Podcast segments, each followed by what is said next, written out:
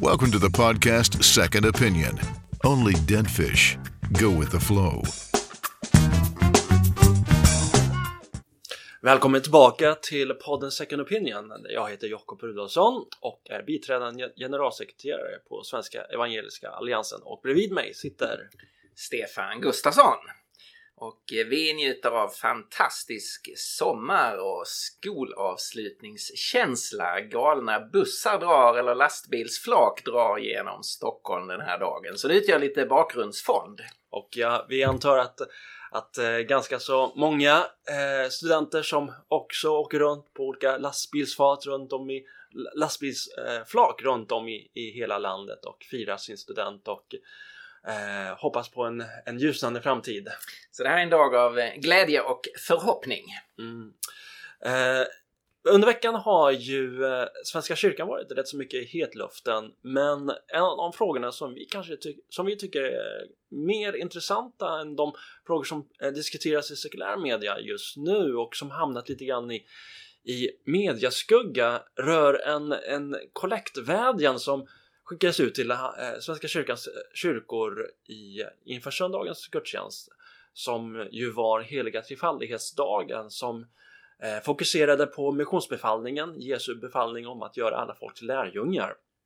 Och där hade eh, Svenska kyrkan eh, skickat med en, form, en bön som formulerades så, så här. Bland annat Gud heliga treenighet, fader och moder, son, syster och broder och ande, livgiverska och inspiratör. Varför är, eh, varför är det här en, en, en bön som eh, kan väcka uppståndelse, Stefan? Ja, det är ju en, ehm, en eh, provocerande formulering när den används inom den kristna kyrkan. Alltså bönen kompletterade fader med moder, man kompletterade son med syster och broder och man beskrev anden som livgiverska och inspiratör. Och det här sättet att tala om eh, den treenige guden är ju någonting helt okänt utifrån de bibliska texterna och fullständigt okänt utifrån samtliga kristna traditioner. Det har ju varit eh, någonting alldeles enhetligt att kristna har bekänt tron på den treenige guden som är Fader, Son och helig Ande. Och eh, det, det sticker ju då verkligen ut att man använder helt nya ord och begrepp och tankegångar i själva definitionen av Gud. Och just att det skickades iväg till, eh, till en söndag som, är, som fokuserar på missionsbefallningen där Jesus själv eh, sänder ut och bemyndigar sina lärjungar att, att predika evangeliet och göra människor till lärjungar och döpa dem i Faderns, Sonens och den helige Andens namn och redan där så inkluderar han eh, avgr- gör han just en avgränsning av hur vi ska tilltala Gud och Guds natur och Guds egen namn, eller hur? Ja, det är ju inte bara i eh, missionsbefallningen. eh, Om, om man studerar evangelierna så talar ju Jesus återkommande vid många, många, många tillfällen om Gud som fader och han ber till fadern och han talar om fadern och han beskriver sig själv som sonen i, i, i bestämd form. Eh, Och det här det, det är alldeles genomgående i materialet vi har om den historiska personen Jesus. Jesus adresserade aldrig Gud som moder. Han beskrev sig själv aldrig som bror eller dotter. Eller syster. Eh, hans. Eh, just det, bror eller syster. Mm. Utan eh, han tilltalade eh, Gud som fader och beskrev sig själv som son i en unik mening. Mm. Och talade om att, eh, att sända anden. Så att eh, eh, treenighetstanken om Gud som fader, son och ande går ju tillbaka till Mm. den historiska personen Jesus. Och det är därför som det då blir så väldigt provocerande att, att kristna 2000 år senare börjar införa ett, ett nytt språkbruk. Så i, eh, på många sätt kan man ju argumentera så här att för att jag, det jag misstänker är Gunilla Hallonsten som är chef på Svenska kyrkans eh, internationella avdelning hade i åtanke att vara mer inkluderande i, i vår tid där många människor kanske har en, en negativ bild av vad det innebär att vara fader eh, och vill inkludera människor eh, med, från olika bakgrunder men att det men att det slår tillbaka och blir exkluderande istället. Ja, man, jag, jag, tror man beträder en väg som är, är, är felaktig. Jag förstår dilemmat att eh, det finns formuleringar som man tycker då väcker felaktiga associationer. Till exempel mm. i, i, vår eh, eh, i, i, vår kultur av jämställdhet och i en kultur där eh, många har en negativ bild av, av fader så, så uppfattar man det här problematiskt. Men lösningen på det problemet det är inte att, eh, att definiera om Gud utan det är att, att visa den, eh, den sanna definitionen av faderskap. Mm. Och det är intressant att när Paulus talar om fader så, så går han liksom inte från vad är vår erfarenhet av fader och så ska vi sluta oss till hurdan Gud är. Utan i Efesierbrevets tredje kapitel så talar han om Gud utifrån vilken allt, eller Fadern, utifrån vilken allt vad Fader har sitt namn. Så där är startpunkten Gud, vår Fader. Och sen är alla jordiska fäder kallade att reflektera honom. Eh, och det har vi då ofta misslyckats med och gjort nidbilder av Gud. Men då mm. behöver man tydliggöra det här. Gud är den vår fullkomlige himmelske fader så som mm. Jesus talar om honom. Eh, och eh, Eh, det är därför ingenting som är, är hotfullt eller skrämmande eller, eller negativt. Så vi behöver, eh, vi behöver återvinna den sanna betydelsen av fadersbegreppet mm. och inte låta oss skrämmas av de falska bilder av, av vad en fader är som vi kanske har mött i, i vårt eget liv eller mm. sett här eh, bland andra människor. Mm. Man kan ju också göra en analys av att eh, just den här tankegången att, att eh, vilja expandera på gudsbegreppet eh, eh tycks eh, eh, utveckla sig ännu mer liksom, i den västerländska kyrkan där man talar om Gud som Gud bortom Gud, Gud som är bortom våra begrepp. Eh, att det inte går att, att begränsa Gud till, till vårt språk. Eh, samtidigt så är det ju det som Gud har, så Gud har uppenbarat sig genom historien i sitt ord, att han talar om sig själv på ett specifikt sätt, att han eh, inte säger att eh, ni kan utveckla språket om mig, ni är helt fria att kunna definiera mig. Han är ju väldigt tydlig när han uppenbarar sig för eh, Moses i den brinnande busken till exempel att när Moses frågar vem är det som har sänt mig? Då säger ju Gud jag är den jag är, att han är den suveräna och som du också skriver i, i nyhetsbrevstexten som finns på CS eh, hemsida nu eh, att Gud har uppenbarat sig i, historien han är ingen som människan själv kan definiera utan han definierar ju sig själv. Jag tror där är en, där är en avgörande fråga i, i vår tid ifall, ifall Gud bara är något vi kan ana men vi har ingen verklig kunskap om honom. Och det är ju ett alternativ men då, då leder det ju till att då får var och en definiera eh, vem man själv tror eller önskar eller vill att, att Gud ska vara. Och vi står här med en, en mycket stor samling gissningar och förhoppningar. Mm. Eh, kristen tro har ju alltid hävdat någonting annat, nämligen att Gud har kommit till oss, han har uppenbarat sig. Det betyder att han har avslöjat vem han är. Och att han har använt också mänskligt språk och satt mänskliga ord på, eh, på sin egen identitet. Och för mig som kristen så blir det här en viktig punkt att eh, som jag tänker när jag träffar en ny människa så vill jag ju visa respekt mot den personen, att låta den personen få definiera sig själv, få ge sig själv namn, få lov att beskriva sig själv. Eh, och jag är ju inte fri att säga när du heter det, när du är det. Eh, utan jag måste ju visa respekt för, eh, för personen. Och eh, det vi möter i de bibliska texterna det är ju en, en Guds självuppenbarelse. Det får sin, sin höjdpunkt i att han själv blir människa i, i Jesus, i det levande ordet. Men vi möter också hur Gud Eh, beskriver sig själv, introducerar sig själv i de bibliska texterna. Och då introduceras han som Fader, vår, vår himmelske Fader. Många andra mm. begrepp används också, men det är ett av begreppen. Och just detta är ju, för att återigen ta upp missionsbefallningen som ett centralt, en central fråga i, i den kristna tron. Det handlar ju om den kristna trons exklusivitet. Eh, för tankegången om Gud är bortom eh, alla begrepp om Gud är bortom alla religioner som eh, biskop Åke Bonnier nyligen skrev en debattartikel utifrån eh, så försvinner ju nödvändigheten att tala om, om eh, Jesu försoningsstöd på korset, om, om frälsningen, om evangeliet för andra människor med andra, livsåskådning, andra livsåskådningar.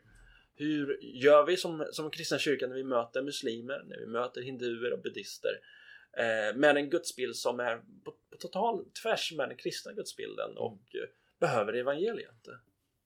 Och här tycker jag att det är viktigt med, eh, vi, vi, kan ju ha det som slagord, men, men i det här fallet tycker jag att slagorden har en, en, fyller faktiskt en viktig funktion. Att vi som, vi som evangeliska kristna, vi vill ha Jesus i centrum därför att Jesus är eh, själva, eh, själva kulmen, själva fokus i, i Guds uppenbarelse, den, den verkliga personen Jesus Kristus.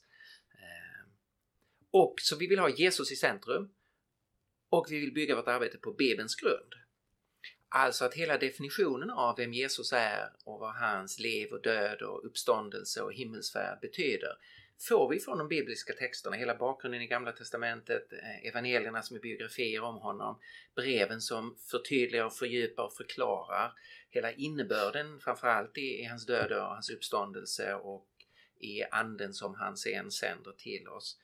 Eh, att vi, vi har den bibliska grunden och här går ju en av de stora skiljelinjerna i kristenheten idag. Om man vill låta de bibliska texterna definiera innehållet i det vi tror på eller om man säger vi har i grunden ingen definition utan mm. det blir då upp till var och en eller tidsandan eller uh, utvecklingen eller vad man mm. nu låter sig uh, präglas av. Mm. Uh, och, och, det här det är verkligen en ödesfråga att titta mm. på var finner vi definitionen? Mm. Och, och, för min del så, eh, så, så, är det så avgörande att vi måste ta de definitioner som kommer från Gud själv. Jag har ingen möjlighet att definiera Gud eller definiera betydelsen av Jesu död på korset. Mm. Det måste komma från, den, från det andra hållet, från den mm. andra sidan. Mm. Mm. Och jag tror att vi har den definitionen i, i hans ord. Mm. Så vi måste helt enkelt återerövra skriftens eh, auktoritet. Absolut. Som det står skrivet är ju ett, eh, en återkommande fras i, eh, genom, om vi tar Nya Testamentet. Eh, har du inte läst vad det står skrivet? Mm. Och som det står även i Judas brev att den försvarar den tron som en gång för alla har blivit givet oss. Just det. Och det är, en, det är ett uppdrag som finns i alla tider. Det är väldigt tydligt i vår tid att försvara den tro som en gång för alla mm överlämnades åt de, eh, åt de heliga och som sen varje generation har ett ansvar att, att förvalta, att bevara och föra, föra vidare oförstörd till nästa generation. Mm. Och, så att man inte har definierat om den. Mm. Vi kommer säkert att återkomma till eh, det här ämnet men alldeles strax ska vi möta Olof Edsinger som eh, eh, många kanske känner igen som en debattör när det gäller normkritik, queer-teorier och just vår samtids vilja att omdefiniera själva verkligheten. Ett av många områden som Olof har arbetat med. Han har ju också arbetat mycket med den bibliska definitionen av Gud i sina böcker om Gamla Testamentet och om domen och i flera andra av hans eh, mycket värdefulla böcker. Välkommen till podden Second Opinion. När du behöver hjälp att simma mot strömmen Vi fortsätter programmet med att eh, prata nu med Olof Edsinger. Många känner igen honom som både författare och teolog och, och bibellärare, men han fungerar även som opinionsbildare. Han har skrivit i flera rikstäckande tidningar eh, när det gäller frågor som rör sexualitet, identitet, eh, normkritik, queer-teorier. Han har även skrivit en bok för oss på Svenska Evangeliska Alliansen som heter När minoriteten tog majoriteten som gisslan Eh, där han analyserar och granskar den normkritiska pedagogiken som eh, på senare år blivit allt mer populär i, eh, i olika skolor. Och eh, tänkte börja med att fråga dig Olof, vad, eh, vad, vad förde dig in på just det här ämnet? Ja, man kan säga att det som, som driver mig det är väl egentligen eh, den här eh, otryggheten som jag, jag tror blir, blir följden, inte minst bland många unga. Eh, man är ju i en period i livet ändå där man brottas med, med sin identitet på, på, olika sätt. När man liksom ja, växer till och blir en mer vuxen individ. Eh, och, och, då Eh, det finns mycket som liksom hänger löst så att säga. Och om, om man då dessutom ska tvivla på sitt biologiska kön så blir det liksom en sak till att brottas med och en sak till som, eh, som är ganska svår att hantera. Där man kanske har lite motstridiga signaler eh, under en period i livet. Man, man prövar sig fram. Om man då blir uppmuntrad att för mycket eh, följa det som kanske är ganska tillfälliga tankar och känslor så, så tror jag att det, det bara blir ett experimenterande som man mår ganska dåligt av. Om man till exempel ska ha både pojk och flickvänner eh, för att man lite grann ja, trevar sig fram på ett sätt som, som eh, Förr i tiden tror jag inte man hade behövt göra den resan utan det är just utifrån att allting betraktas som så öppet idag som man, eh, man nästan tvingas in i en resa som, som inte hade varit nödvändig. Du nämner ju i eh, boken när minoriteten tar majoriteten som gisslan om, om flera undersökningar som, som pekar på att det finns en allt mer eh, allt mer ohälsa eh, bland unga, en osäkerhet, en, en otrygghet och eh, du, du menar på, på, något sätt att, att detta hänger ihop med den här rotlösheten när det gäller identitetsbyggandet. Eh, att, att där har eh, normkritiken så, så, som många kanske tänker att, att det ska hjälpa till att motverka diskriminering eh, egentligen får en motsatt effekt. Att det ja, så jag tror helt enkelt vi, vi mår inte särskilt bra av ett samhälle där allting flyter. Eh, vi ser ju faktiskt en annan typ av motreaktion idag. Man talar om den yngre generationen som generation ordning. Där alltså de som har vuxit upp i det här postmoderna flytande eh, samhället har ett helt nytt intresse av, av faktiskt lite mer ramar i tillvaron. Än till exempel då den klassiska 68-generationen som kastar alla ramar och normer och auktoriteter över ända. Nu har vi då en generation som har vuxit upp i, i spåren av det och de, de söker en, en, annan typ av stadga istället. Och jag tror att det handlar helt enkelt om att man behöver en sån stadga för att må bra. Och det finns ju också gott om psykologisk eh, erfarenhet och, och psykologiska teorier som som pekar på det här med eh, könsidentitet, könsstabilitet och också könskonstans som, som liksom naturliga faser som, som man jobbar sig igenom som barn. Eh, men det är just den typen av processer som, som, som man motverkar i, i den typ av normkritik vi möter i, i Sverige idag. Och det tror jag människor mår dåligt av helt enkelt. Skulle du kunna ge några exempel? För att eh, jag för mig att du, du, du tar upp lite grann om just, just uttalade eh, uppfattningar i, i, i, i din bok där man vill motverka en stabil könsidentitet? Ja, jag har ju läst några antologier kring det här med just normkritisk pedagogik. Och de eh, används, eh, och, av, de används alltså av, av lärare i den svenska skolan? Ja, och framförallt så inom genusvetenskapen så läser man mycket av det här materialet. Och, och, och det är många som har läst genusvetenskap och, och de finns ju på olika positioner och inte minst i skolan så, så har man tagit med sig de här tankarna. Eh, en rosa pedagogik är ett exempel på sån antologi. Mm. Eh, och där, där skriver man faktiskt så här, jag kan faktiskt läsa. Eh, det finns de som menar att det är en central del av, i vad det är att vara människa, i det mänskliga att betrakta sig som en sammanhållen enhet som hittar sin inre kärna efter moget vuxenblivande eller efter ett aktivt sökande genom livet efter vilka vi egentligen är. Um, ja, det är en beskrivning som jag helt kan stämma in på. Det, det är precis så som, som jag menar att det är. Mm. Uh, uh, men då säger de så här. Problemet är alltså inte bara att det finns två officiella könskategorier utan också att vår förståelse av den egna identiteten bygger på ett förenklat och förgivettaget synsätt om ett stabilt och sammanhållet jag. Um, det de alltså säger är att, att just målet att få ett stabilt och sammanhållet jag är det problem som de vill motverka. De, de vill inte att man ska få ett stabilt och sammanhållet jag. Och det är klart, då kan man ta sig mm. väldigt stora friheter gentemot mer traditionell psykologisk erfarenhet. För man, man vill ju inte samma sak. Man, man vill helt enkelt få ett mer flytande jag. Och där kommer också queer-teorierna in i bilden. För queer handlar ju mycket om att den sexuella identiteten och sexualiteten i sig är flytande. Så jag kan röra mig lite fram och tillbaka på skala. Jag kan något år vara hetero, ett annat år bi och ett tredje år eh, homosexuell. Och så går jag kanske tillbaka till, till något tidigare stadium. Och, och det är så det ska vara. Eh, enligt queer. Mm. Mm. Samtidigt så det är också väldigt intressant att du nämner eh, Skolverksrapporten Diskriminerad, trakasserad, kränkt från 2009 skriven av, av Ann Frisell Elburg. Eh, I förordet, förordet eh, så, så skriver eh, så står det i rapporten Eh, kanske är det ett svenskt fenomen att det som representerar verkligt radikala och makt, maktkritiska perspektiv såsom queer och normkritisk pedagogik omfamnas av statliga institutioner i en svindlande fart.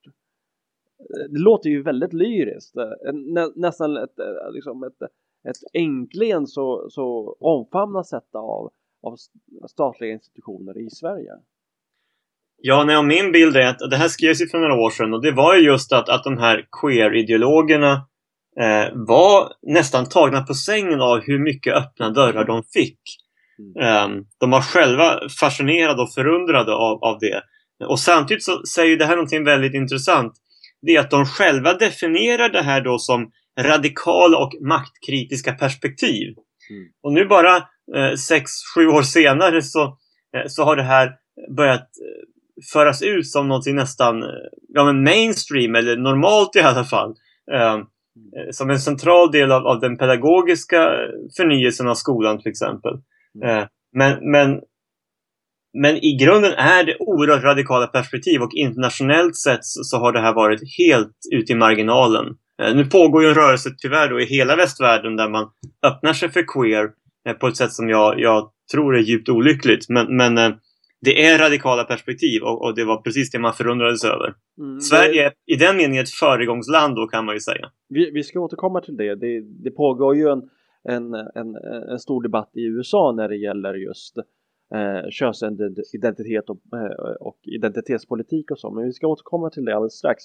Du, du lyfter ju även fram diskrimineringsombudsmannens eh, dokument Lika rättigheter i förskolan som eh, som, som är mycket nyare, som kom ut 2015 där eh, man, man lägger upp eh, ett antal riktlinjer i, i förskolearbetet. Det där bland annat att, att det står skrivet att personalen bör se över om verksamheten präglas av heteronormen, det vill säga att utgångspunkten är att människor är heterosexuella. Eh, eh, eh, är det ett problem? Många kanske skulle tänka att men det är kanske inte ett, eh, kanske ett, en viktig, ett viktigt perspektiv för förskolepersonal att, att ta in att många kanske inte identifierar sig som heterosexuella. Alltså problemet är ju inte att det finns en, en mångfald och jag har egentligen inte alls något behov att liksom markera emot eh, homosexuella i den här frågan utan eh, det jag vill problematisera det är ju att eh, man ska så att säga vad ska man säga, lära ut och, och eh, introducera begrepp, eh, förhållningssätt, livsstilar eh, i en ålder. Alltså här talar vi 3, 4, 5-åringar. Mm. Det står att man ska integrera och eh, på likvärdigt sätt behandla homo, bi och heterosexualitet. Och det innebär att man måste också på tala om det ganska ingående för barn där man ju kanske inte talar om, om sexualitet överhuvudtaget till exempel. Eh, I normala fall. Eh, och också det som, som jag uppfattar som själva agendan bakom de här riktlinjerna. Det är ju inte bara Eh, att skapa en, en allmän öppenhet för olika uttryck utan det är ju att just slå sönder eh, framförallt då heteronormen och tvåkönsnormen, alltså tanken att, att mänskligheten i huvudsak består av två kön. Eh, så, så det är själva grundfrågan att man, man vill göra upp med, med normsystemet som jag ser problemet. Inte att, att man också känns vid att det finns en variation av, av mänsklig sexualitet. Mm. Så tanken är att, att, att, ehm, att, att det kan vara problematiskt att introducera eh, en ganska så eh, eh, eh, liksom en debatt som eh, främst angår vuxenvärlden eller där vuxenvärlden är mest engagerade för, för 3-4-åringar. Det, det, det är så du tänker? Ja, sen en 3-4-åring är ju inte färdig vare sig i sin identitet eller har någon stark relation till sin sexualitet. Och, och, och man behöver ju lansera en ganska avancerad så att säga, kunskap och världsbild för att liksom ta upp de här sakerna och det menar jag är alldeles för tidigt. Mm. Det är ju som en grundläggande sak. Mm. Sen det här då att man eh, i de här samma direktiv talar om att man måste ha könsneutrala toaletter på dagis och så.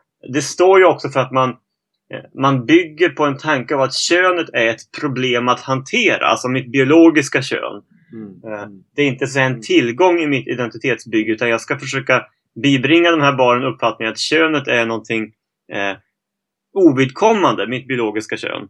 Eh, Om- och om- Det tror jag helt enkelt är fel. Jag tror att det är, är skadligt också utifrån ett slags psykologiskt perspektiv. Du nämner ju också lite grann om hur, eh, hur eh, pedagogerna ska hantera föräldrar som kan ha invändningar mot en sån här pedagogik på sin, på sin förskola. Eh, Du, du nämner, du, du citerar ur eh, DOs eh, riktlinjer att, att det kan handla om föräldrar som inte gillar och, och därför ifrågasätter det just deras pojkar för att ägna sig åt lekar eller aktiviteter som anses vara viktiga, vikta för, för flickor eller föräldrar som, som undrar varför deras flicka inte kan bara få vara flickor längre. Ja, jo, precis. Nej, men, eh, det är dels så här, det finns ju en väldigt liksom eh, självgod attityd av att det är förskolepersonalen som, som sitter inne med sanningen. Man uppmuntrar till och med dem att, alltså förskolepedagogerna, att ha utbildningskvällar för föräldrarna. Eh, där man ska lära föräldrarna vad, vad som gäller i de här frågorna. Och jag tycker det är oerhört anmärkningsvärt. Det är långt utanför förskolans uppdrag med en sån sak.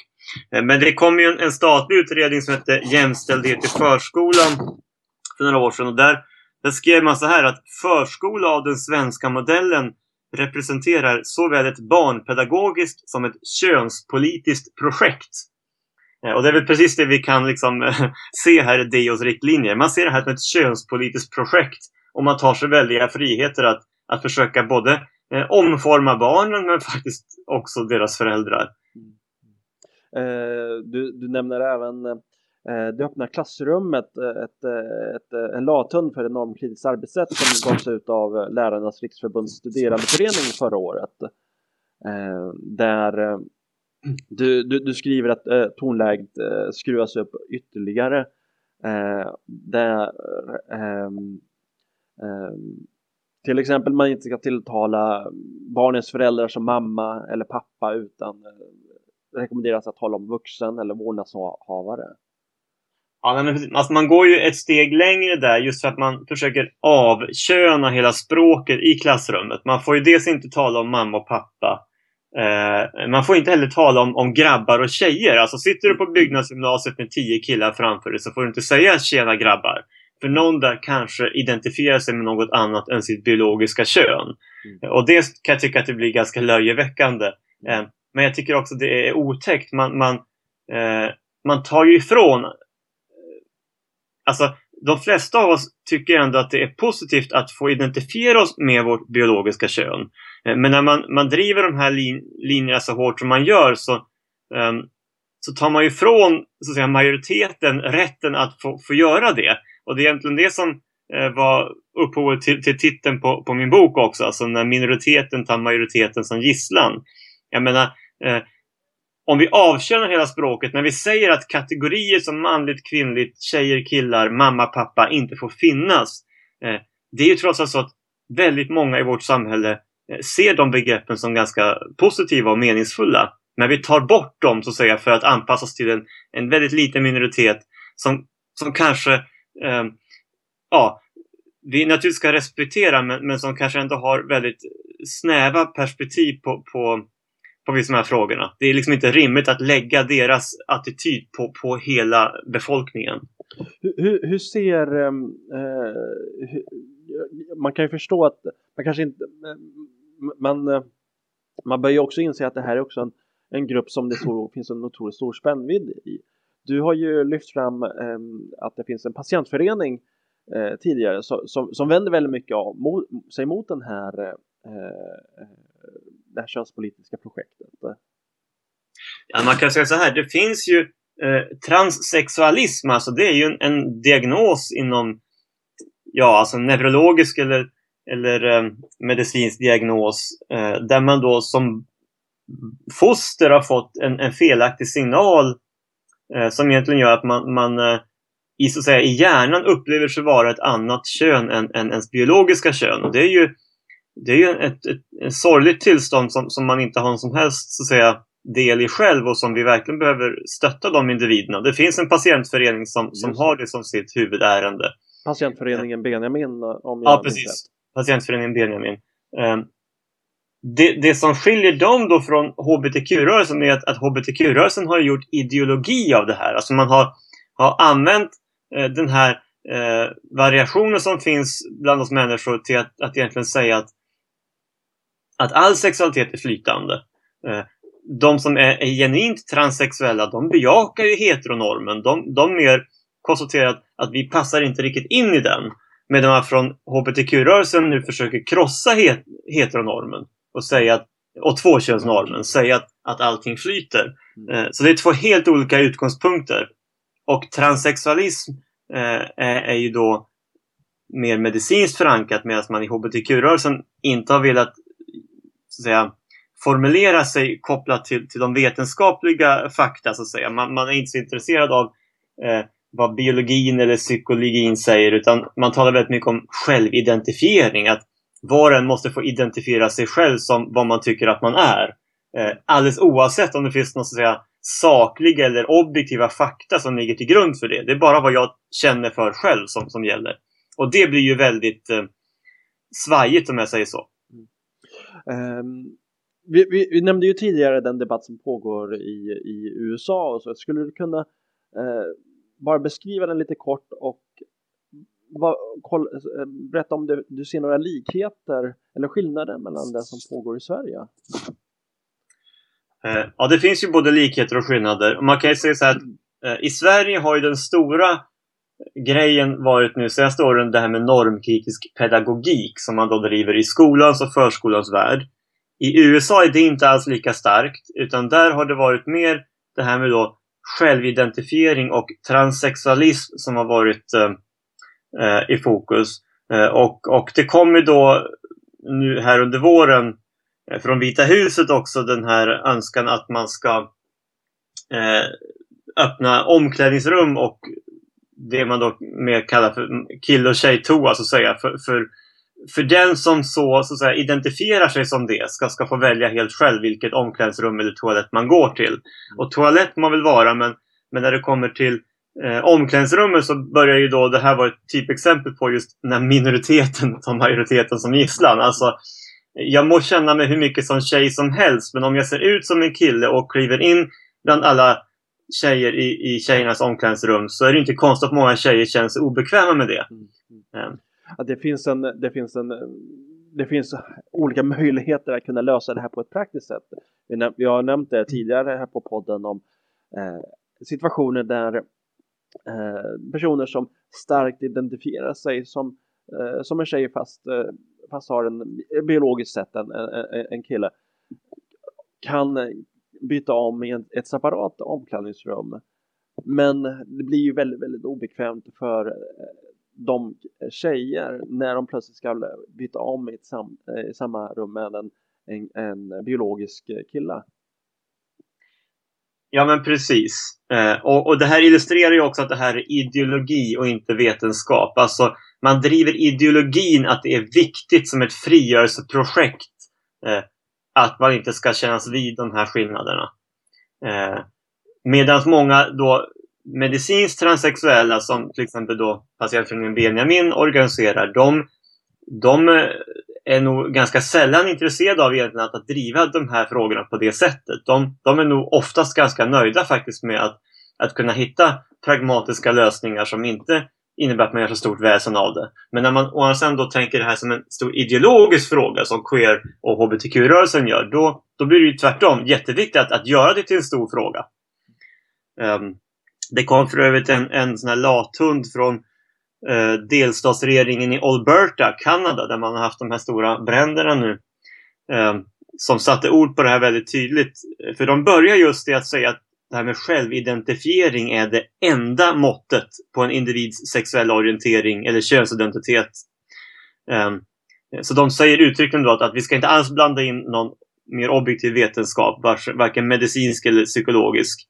Eh, och det de då drar slutsatsen av det är att man inte får ha skoluniformer eller klädkoder som till exempel hindrar killar att bära kjol. Eh, man får inte ha idrottsevenemang eh, där killarna utmanar tjejerna. Man får inte heller dela upp sex och samlevnadsundervisningen i kill och tjejgrupper eftersom man menar att det är samma frågeställningar alltid oavsett biologiskt kön och vi får inte göra någon skillnad mellan dem. Och även där landar man till slut då i att duschrummen också måste vara tillgängliga för alla som identifierar sig som, som det könet. Eh, och de säger uttryckligen att om en elev eh, så att säga, inte vill dela omklädningsrum eh, med någon då som betraktar sig som trans eller, eller genderblandad eh, då är det den som har problem med det som måste flytta. Så att om du tänker i läget att du har 30 mm. tjejer och en transsexuell och, och eh, de 30 tjejerna känns obekväma med att dela, då är det de som ska byta omklädningsrum, inte den mm. transsexuella. Mm. Och det, det, tycker jag på något illustrerar vilka problem det här kommer skapa. För att mm. mm. eh, jag tror ju att, att det kan riskera att få motsatt effekt, att helt enkelt folk blir ganska arga på den här lilla minoriteten. Mm. Alltså, jag ser framför mig ganska otäcka scenarier där man kommer eh, så att säga eh, ge igen rätt hårt. Eh, jag vill absolut inte uppmuntra till något sånt. Jag är bara orolig att, att det är sånt som kommer ske. För alla är inte så artiga och nyanserade som man skulle önska i de här frågorna. Mm. Eh, om, om man nu tittar på det från ett eh, pastoralt och, och eh, teologiskt kristet perspektiv. Och, vad, vad, vad, skulle du säga är, är kyrkans ansvar och roll i, i just detta? Alltså kyrkans ansvar och roll är ju alltid att eh, visa respekt och omsorg om människor. Eh, oavsett livssituation egentligen, men, men inte minst i, i, en utsatt minoritet.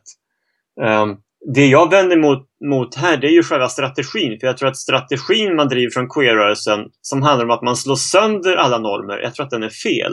Eh, det jag vill slå ett slag för, det är istället det, det klassiska ordet tolerans. Eh, som är faktiskt ett ord som, som kommer ursprungligen från en, en kristet tänkande. Queer-rörelsen vänder sig emot ordet tolerans eftersom tolerans bygger på att det så att säga finns en majoritet som tolererar en minoritet.